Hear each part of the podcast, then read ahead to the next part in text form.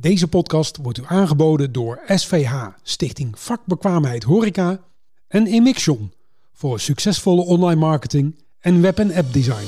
Ik, ik kwam, het leukste vond ik eh, dat iemand zei, en onder welke naam mag ik u ver- verwelkomen? Toen dacht Ja. ik, ja, nou, jij hebt het begrepen. Ja, dat is al heel anders dan heeft Ja. u gereserveerd, gesloten, Ja. vragen en eh, ja, lekker welkom. Dit is de stamtafel met Janine Sok. Welkom bij De Stamtafel, de podcast over gasvrijheid. Vandaag schuift aan eh, Bianca. Bianca ken ik al een poosje, maar voordat je... Fijn dat je er bent, Bianca. Dankjewel. Ja, maar voordat je jezelf gaat eh, voorstellen aan de luisteraars... eh, wil ik vragen naar jouw favoriete drankje. Ja, dat, eh, nou, als het gaat om eh, non-alcoholisch, dan is dat thee. En als het om met een beetje alcohol gaat, dan gaat het om een sappige Sauvignon Blanc. Dat vind ik heerlijk. Oh, eh, hoe je het ook noemt, hè? Een sappige Sauvignon. Dat is mooi. Dat verraadt al een beetje wat je doet, toch? Nou, Zeker. proost op de gasvrijheid. Ja, nu even proost. met water, maar oké. Hm. Leuk, dus ook de witte, de witte wijn. Ja, is ook mijn favoriet hoor. Ja, champagne eigenlijk. Bianca, wil jij je voorstellen aan de luisteraars? Ja, nou, mijn naam is Bianca Roemaat. Ik ben eh, food- en horecajournalist. En daarnaast ben ik natuurlijk bovenal tekstschrijver. Ik heb een eigen tekst- en communicatiebureau. Dat heet Roe Communicatie. En eh, mijn slogan is het schrijven van teksten, van smaakmakende teksten. Dus vlotte, goed verteerbare teksten die voor verbinding zorgen. Dus communicatie, gastvrijheid. En ik heb ook een boek geschreven. En dat gaat over de menukaart als communicatiemiddel. En dat heet Wat maak je menu? Ja, een hele mooie titel. Dankjewel. Ja, die voor meerdere interpretaties mogelijk is. Ja, toch? Zeker, Ja. zeker. Ja, en een succesvol boek, hè? was een leuke presentatie. Ik kon toen helaas er niet bij zijn, maar je had een hele mooie eh presentatie bij Angelique Smijnk, eh, Klopt. eh, SVH-meester-kok. Ja, ja, klopt. Klopt. Ja, Ja. ja. dus maar. eh, eh, en je geeft naast eh, deze, ja, de activiteit die je doet, het schrijven van artikelen, websites en dat soort dingen, geef je ook workshops, hè? ja klopt. Ja. Ik, Kun je, kun je daar iets meer over vertellen? Ja, nou, ik, ik vind het heel erg leuk om, net als jij, om eh, mijn kennis te delen. En, en om ook echt verbinding te maken met de horeca. Want dat is de, de groep waar, de bloedgroep waar ik echt ook uitkom. Ja. Eh, en ik vind het leuk om mijn kennis te delen over de menukaart. Want eh, ja, ik had gedacht, ik heb heel veel menukaarten in handen gehad als journalist, maar ook als kritische consument, als gast. En eh, toen viel mij op dat, dat je daar eigenlijk veel meer mee kunt doen. Ook als horeca-ondernemer. Dat je daar meer mee kunt communiceren. Omdat heel vaak dingen onduidelijk zijn. Of eh, dan zat ik aan tafel met mensen en dan zeiden ze tegen mij... ja, maar wat betekent dit nou? Of wat is dit nou? Nou, ik ben blij dat jij erbij bent. Want anders had ik niet geweten wat ik kon bestellen. ja. En zodoende ben ik op het idee gekomen om, daar, ja, om me daar meer in te verdiepen en om die kennis ook te delen. Dus ik geef voorbeelden hoe je eh, zinnen eh, ja, beter kunt communiceren op je kaart, storytelling, omschrijvingen, smaakmakende omschrijvingen. Een sappige Sauvignon Blanc bijvoorbeeld. ja. Of een, eh, Die eh, heb ik nog nooit gehoord. een krokant broodje, nou ja, een Ja. overgebakken, dat hoor je ook wel vaak, een huisgemaakt. Maar het is veel leuker ook om de persoon erin te brengen. Dus ook om het persoonlijke te maken en om storytelling te doen. De gastvrouw Klaartje Fles schenkt een heerlijke Sauvignon Blanc bijvoorbeeld. Ja. Nou, dat zijn dingen. En dat leer ik ze dan eh, in de workshop. En ik geef ook voorbeelden van menukaarten. En we kijken ook naar eh, de vormgeving, het lettertype en de kleur. Ja, Want- want kleur eh, beïnvloedt ook het brein, hè? Ja, dat Ja. staat ook heel mooi in jouw boek beschreven. En Ja, ook in mijn ja. boek. Want ik heb zelf vandaag ook een rood jasje aangedaan. Want rood, dat kunnen de luisteraars natuurlijk niet zien. Maar rood is de kleur van gastvrijheid, van warmte. Voor mij wel. Ja. Is mijn logo ook rood. Precies, mijn logo is ook rood. Ja, En ehm, daarnaast is rood ook een hele goede kleur om te gebruiken op je menukaart. Want rood en blauw zijn kleuren die de aandacht trekken. Dus Ja, daar is ook, ja, is het ook van belang. ja en, en rood is echt een signaalkleur. En, die ze, en eh, eh, vroeger was eh, hè, de, de McDonald's was natuurlijk geel en rood. Ja. En dat bevordert de eetlust. Precies. Ja, en de- Ja. dat weten heel veel mensen niet. En tegenwoordig is het eh, groen. Hè? Eh. McDonald's eh, wordt ook eh, me- meer bewuster. Er zijn zelfs salades te krijgen bij de McDonald's. En blauw, dat zorgt voor vertrouwen. Klopt. Ja. Ja, Ja, en de, ja, niet iedereen heeft natuurlijk onze boeken gelezen. Dus, uh, maar, uh, dus dat zijn hele goede kleuren. Om, ja. uh, nou, dan hebben ze dat hier bij Brasserie Manna bij de Blue Bar goed gedaan. Want daar hebben ze het in blauw geschreven. Ja. Ja, ja, precies. Dus die hebben ook de kleuren goed gebruikt. En ja, met groen, daar kan je bijvoorbeeld nu ook wel zien op menukaarten dat je heel veel met vegan en vegetarisch hebt. Ik zeg zelf wat liever veganistisch, vegetarisch of plantaardig. Ja. Maar daar gebruiken ze ook heel vaak de kleur groen om te laten zien dat ze met, het, met de natuur bezig zijn. Dus ja. dat ja. kan ook nog. Ja, ja precies. Maar uh, ik, ik ben van het rood, jij ook. En dat uh, zorgt voor warmte en gezelligheid. En, uh, ja. ja. en ik heb inderdaad bewust nu een ander jasje. Want elke keer dan ben ik weer... Oh, dat is die dame weer met het rode jasje. En ik heb echt wel meer kleren dan... ah, eigenlijk misschien wel een kledingsponsor. Nou en terzijde. Ja, um, en hoe, hoe, is jouw interesse ontstaan in de horeca? Want dat komt natuurlijk niet... Dat nee. komt natuurlijk vandaan. Ja, dat is een hele goede vraag. Want ja, in, in de tijd dat ik opgegroeid ben, uh, toen ging je nog niet zoveel uit eten. Maar ik had wel een, uh, een tante die heel erg van koken hield. En daar woonde ik naast. Dus ik ging heel vaak, als het eten al op was, ging ik nog even bij haar buurten. Want zij was kok. En uh, oh. daar ging ik dan nog lekker wat dingetjes eten. En nou ja, ik, ik denk dat daar ook wel een beetje mijn liefde voor lekker eten en drinken vandaan is gekomen. Want daar kreeg ik altijd van allerlei lekkers toegestopt. Mm -hmm. En um, na mijn studie hier in Nijmegen, ik heb geschiedenis gestudeerd, toen schreef ik al heel veel voor, voor allerlei studentenbladen.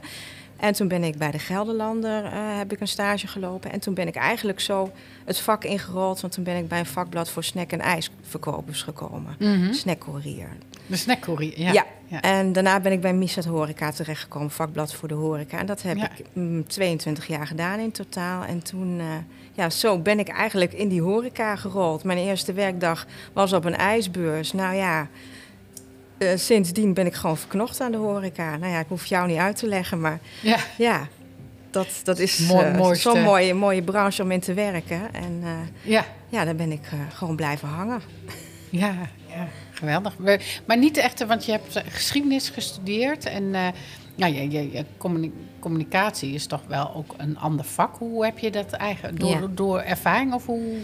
Ja, ik, nou ja, kijk, als je geschiedenis studeert, dan leer je om verhalen te vertellen. En als journalist en als communicatiedeskundige uh, ben ik altijd benieuwd naar het verhaal wat iedereen te vertellen heeft. En ik help mensen om dat verhaal te vertellen. Dus zo ja, is dat eigenlijk gegroeid. En ik, ja, dat vind ik heel erg leuk om te doen. Ja. Uh, ik hoor graag wat jouw verhaal is en dan kan ik het opschrijven en het weer doorvertellen. Dus ja, als journalist ben je ook een beetje een verhalenverteller. Storytelling is heel erg in op dit moment. Zeker. Dus, en zeker als je kijkt naar bijvoorbeeld gastvrijheid, jouw vak, daar heb je ook verhalen voor nodig. Want je komt aan tafel, je maakt ook contact met mensen, communicatie.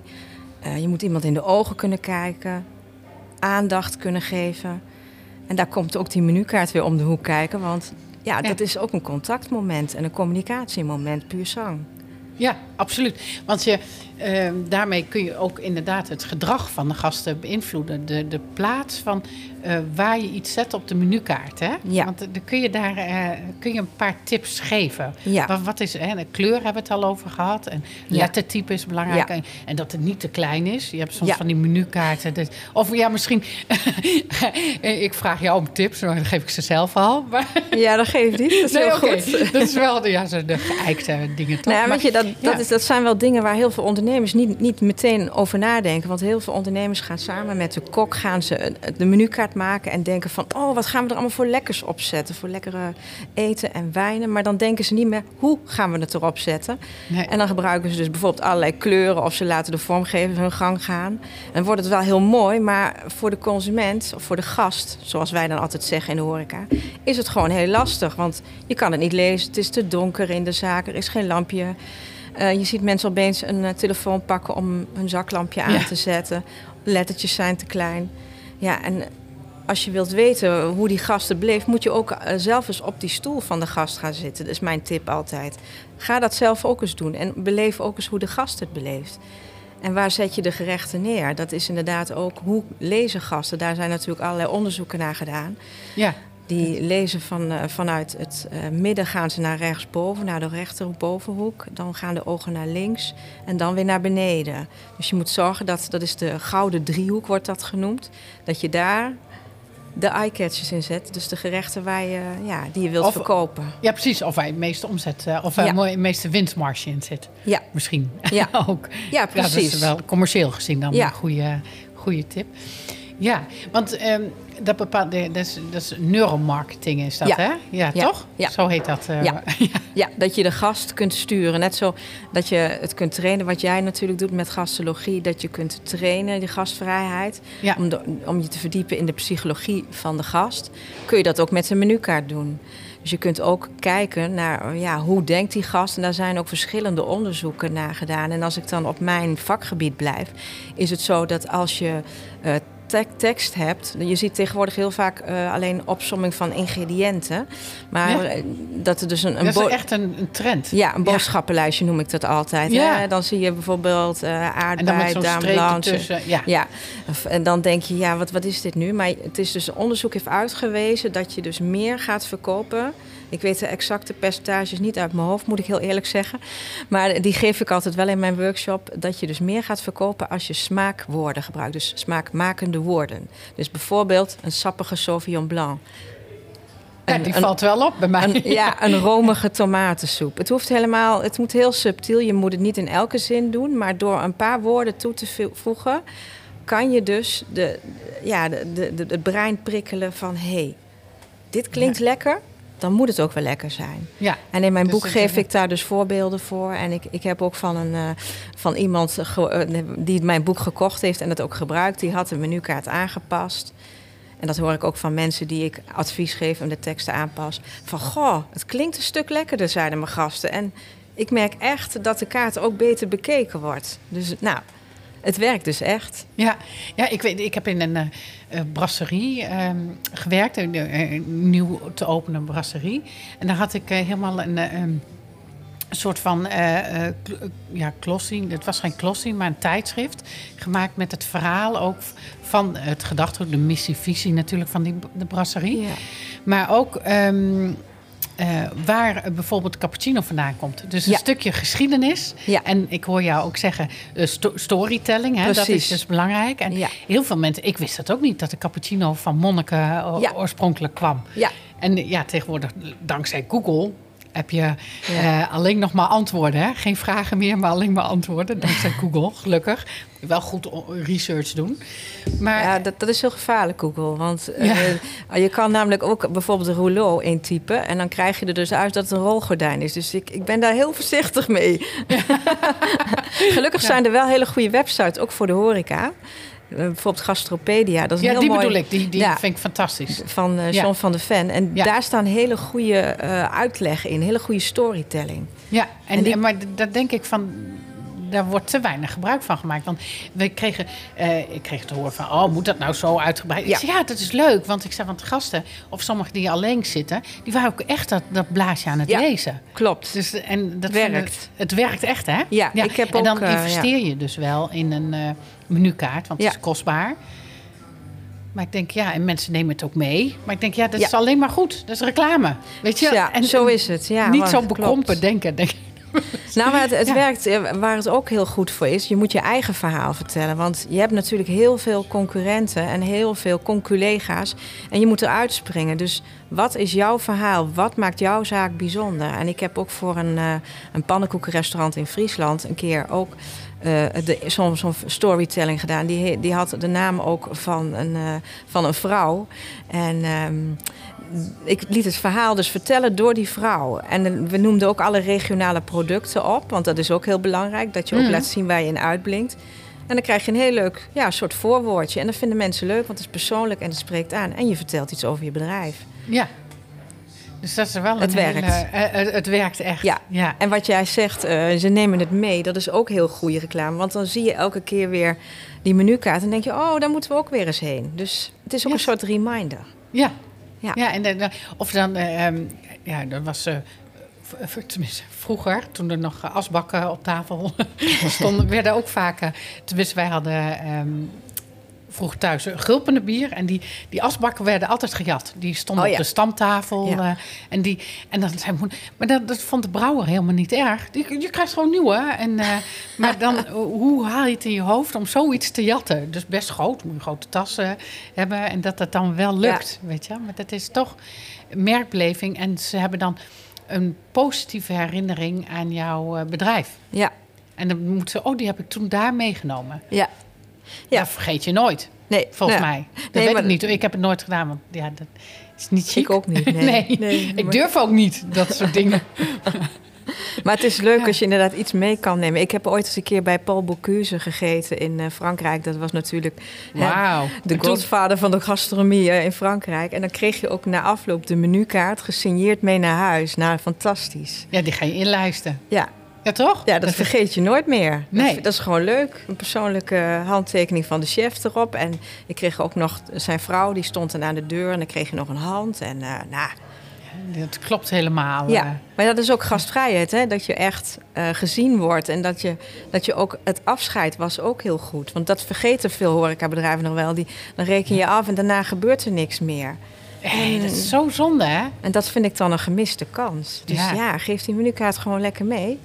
Ja, Goed tuurlijk. idee. Ja, nou, ik, ik weet, mijn eh, ou- ouders hadden natuurlijk een eh, eh, horecabedrijf. En mijn vader stond inderdaad, als dan mensen weggingen, stond hij gewoon aan de weg. Zo, steek maar veilig over. Want, Ja, ja, want jij, jij bent... Vroeger, je hebt een artikel geschreven over me, maar ik ben er nog steeds naar op zoek. Ik ben in die boeken, in het plakboek ook aan het kijken. Oh. Want ik weet dat jij toen over mij schreef, over, over mijn boek. Eh, of over het spel. Ik weet niet, had jij LSD over Ja. gasvrijheid. En mijn moeder was heel goed in namen. Die zei, ja, maar Bianca is ook bij ons geweest. Die, oh, dan moet ik zoeken. Maar ik Oh. heb dat artikel dus niet meer. Dus Oké. eh, ja, dan moet ik Nou. ineens popt dat op bij mij. eh. Oké, Dus, eh, nou dan moet ik ook eens even heel diep gaan nadenken. Want ik heb zelf ook niet alle artikelen. Maar ik ben Nee. natuurlijk bij heel veel bedrijven geweest. ja, En- door het hele land. En, En zelfs ja. het buitenland natuurlijk. Ja, ook. ja. En veel persreizen. En ik heb ook altijd een column gehad in het blad. Dus ik word soms nog wel eens herkend van... hé, hey, van de Misset. Maar ja, ik ben natuurlijk nu van mezelf, van Ja, communicatie. Maar het is wel heel grappig. Dan zeg je, ja, je bent bij ons geweest. En dan soms moet ik ook zelf heel diep nadenken. Maar dan, ja, ja, dan weet ik het weer. Dus ja, je komt ook als, als journalist op heel veel plekken. En eh dan kom je natuurlijk ook met verhalen over gastvrijheid in aanraking. Dus dat, ja...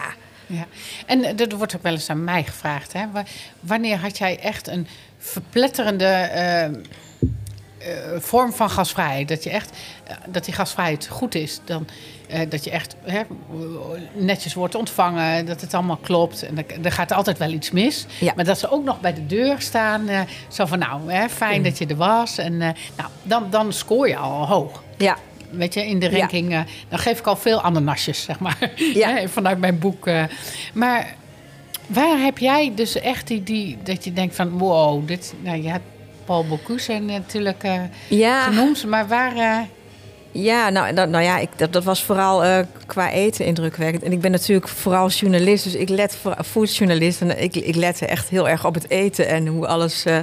maar en ook op de wijn en zo. Maar ja, waar, ja, ik ben op heel veel plekken geweest. Dus ik vind het heel moeilijk om er nou eentje te noemen. Maar dat kan ook variëren van een leuk bruin café.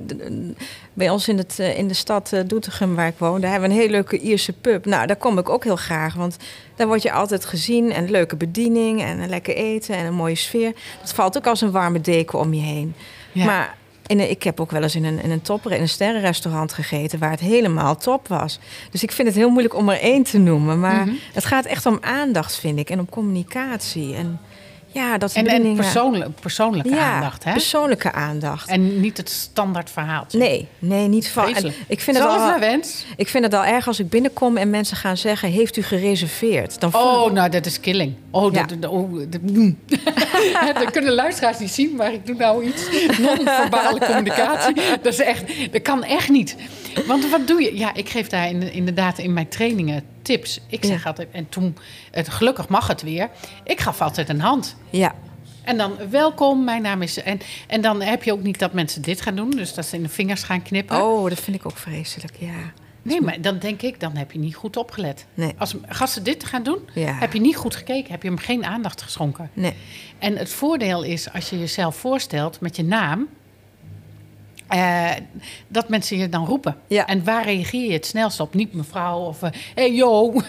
nee, Janine, daar reageer je gelijk op. Ja, En dat werkt echt en het maakt persoonlijk. En doordat je jezelf voorstelt, zijn mensen ook geneigd om zichzelf voor te stellen. ja, En als je een beetje weet of je hebt een lijst liggen. Maar ik vind dat je, als je niet zo'n groot restaurant hebt, je hebt een klein restaurant, maximaal 35 couverts, dan kun je echt wel onthouden wie er heeft gereserveerd. Ja. Vind ik. Ja, nou, ik vind dan- het ook inderdaad. Je kan het ook al aan de aantallen zien of aan de tijdstip dat iemand binnenkomt. Ja, toch? Van, ik, ik kwam, het leukste vond ik eh, dat iemand zei: En onder welke naam mag ik u, u ver- verwelkomen? Toen dacht Ja. ik: Ja, nou, jij hebt het begrepen. Ja, dat is al heel anders dan heeft Ja. u gereserveerd, gesloten vraag en eh, ja, lekker welkom.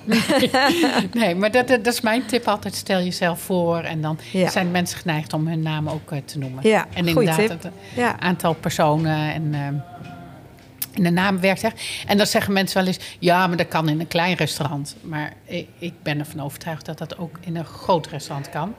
Want ik heb eh, in de coronatijd bij de papierfabriek, eh, de, hoe heette dat nou? De papierfabriek en dat heette de,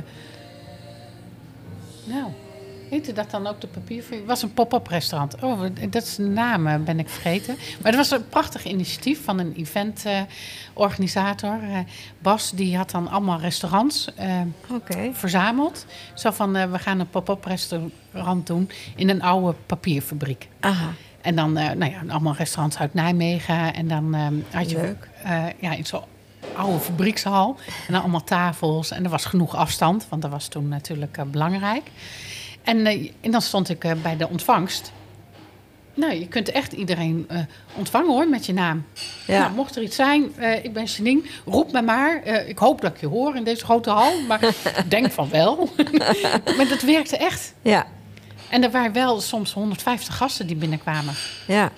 Ja, precies. Ja, Dus het kan wel, maar dat Ja. heeft te maken met hoe je erin staat en je eigen ja. afspraken rondom de gasvrijheidsformule natuurlijk. Ja, ja. Nou, ik, ik, ik denk ook, eh, als we het over gastvrijheid hebben, wat ik zelf heel belangrijk vind, is dat het ook in andere eh, branches wel veel meer gepromoot zou kunnen worden. Dus bijvoorbeeld als ik bij de autodealer kom, dan sta ik bij die balie en dan gaan die mensen gewoon door met werken. En dan Ja, denk ik, erg, hallo, ik sta hier. eh, ook goedemorgen. Ik denk dat, dat er nog heel veel winst te behalen valt, wat Ja. gastvrijheid betreft. Ja, absoluut. En wat jij inderdaad noemt. nou, ik heb wel eens voor. eh, eh, ja, mag je merken noemen? Of is dat niet chic? Nou, voor een heel groot, eh, eh, mooi aanmerk. Nee, een positief verhaal mag je altijd noemen, toch? Ja, Volvo Car Ne- Nederland heb ik. en dan de Champions League, dus de beste verkopers van Nederland, die heb ik toen mogen trainen en mee mogen nemen in, de- in de horeca. Dus ik heb ze toen meegenomen naar de Heineken Experience. Aha. Zo van, wat houdt dat in om mensen te verleiden en de marketing natuurlijk ook. En ik heb ze toen ook eh, meegenomen naar eh, gewoon eh, de Bols. De Bols Academie, de Bols Experience. Ja. Experience ook. En bij, ehm, waar waren we nog meer geweest? Bij de Libreien. Ah, Waar het natuurlijk top is. En, Ja. ja. leuk. En, ja, en, en daar dan hun in meenemen. Maar ook, ook gewoon kroeg om de hoek daarna. Hè?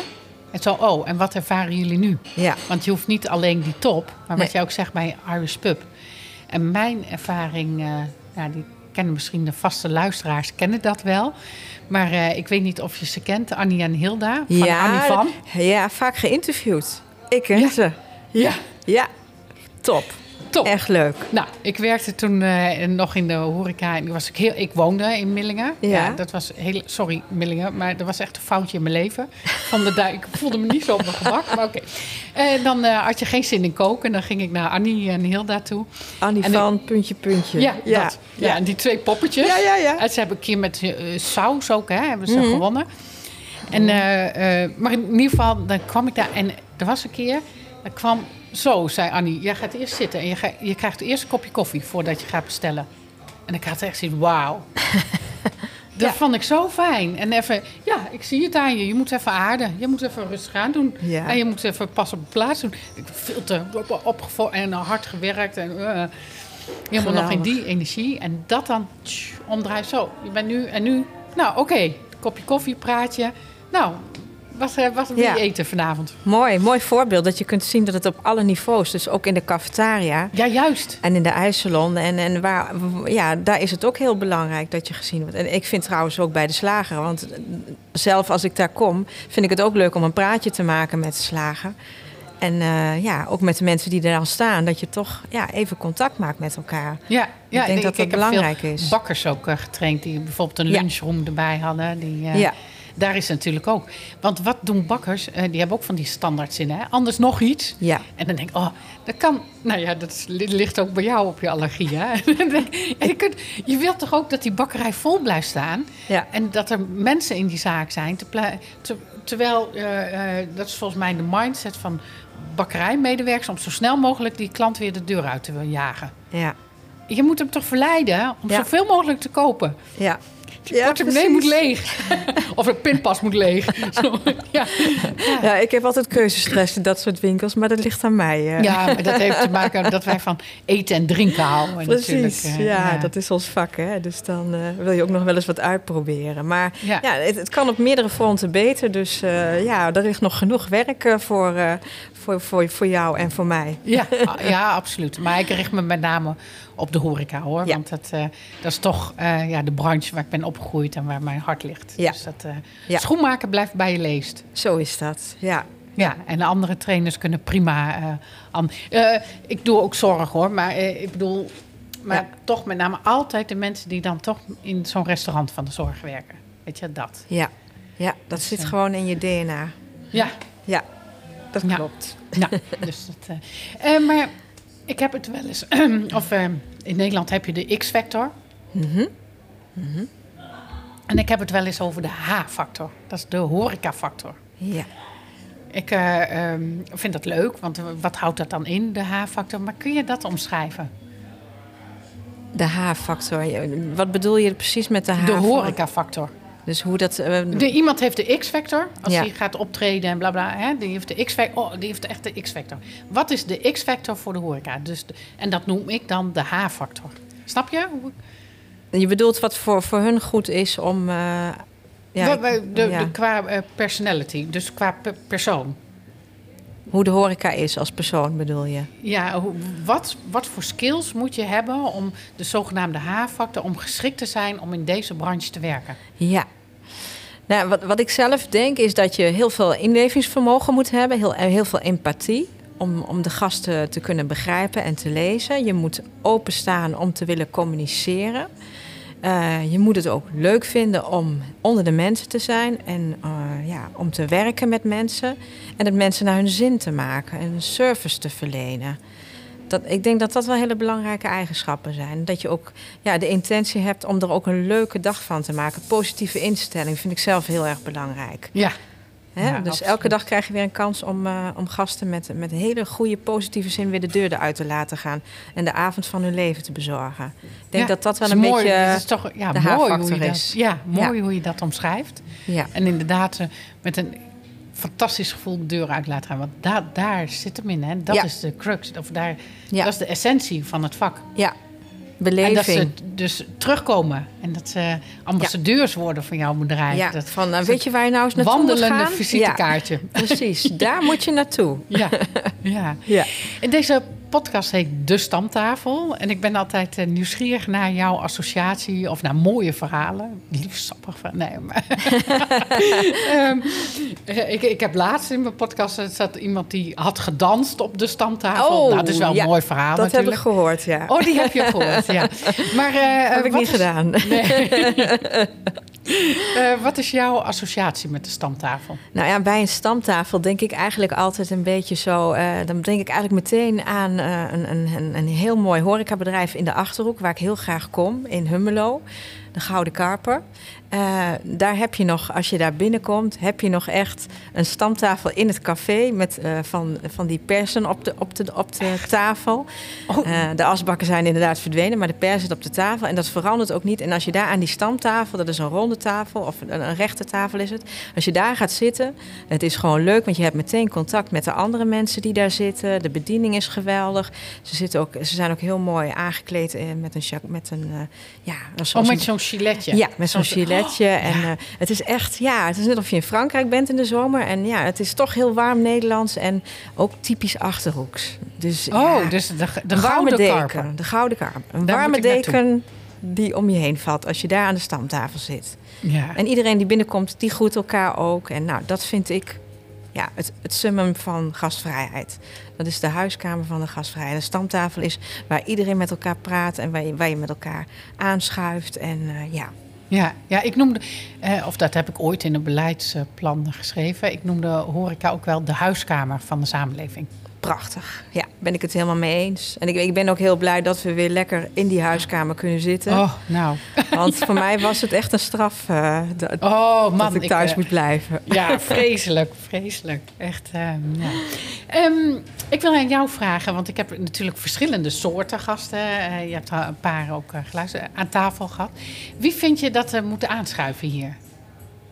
Oh, dat is een goede vraag. Ja, daar overval ik je mee, had ik ook niet van tevoren gezegd.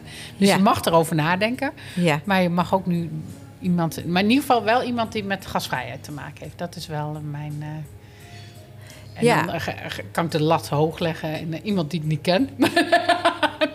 oh, dit is flauw, hè? Iemand die jij niet kent. nou ja, eh, misschien is het wel leuk om, eh, om eh, Elisabeth het Remmeling te vragen van de Gouden Karper, die ik net genoemd heb. Oh, Want ja. het, het bedrijf is ook pas geleden, ja, is het, heeft het het predicaat hofleverancier gekregen.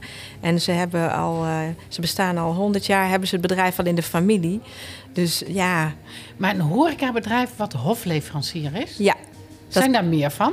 Ja, daar zijn er meer van, Oh, zeker. niet. Als je Oh. 100 jaar een bedrijf in de familie hebt, kan je dat predicaat aanvragen. En dan moet je natuurlijk wel aan een aantal regels voldoen en goed gedrag en dat soort Ja, dingen. ja, ja. Maar dan krijg je dat predicaat. Dus dat is best wel bijzonder. En het is pas geleden uitgereikt. En het was wel een bijzonder en ook een emotioneel moment natuurlijk. Want voor Ja. de medewerkers en voor de familie. Maar ja, dat is toch wel een Oh ja, mijlpaal. want de zoiets. hofleverancier, dat associeer ik met de producten, weet je wel? Ja. Een bakker of een wijn, eh, Ja. wijnleverancier. Dat, dat Ja. eh, associeer Maar ik wist niet dat dat in de horeca... Ja. Nou, ik heb weer wat geleerd. Leven leert- lang leren, hè? Elke dag leer je ook wat bij. Dus eh, Ja, dus eh, dank je. Dat is heel leuk. Dus eh, nou Ja. we gaan straks de gegevens uitwisselen. zeker. En eh, ja, dat vind ik eh, erg leuk. En ook weer een eh, dame, dat is ook fijn. Ja, Helemaal Ja. goed.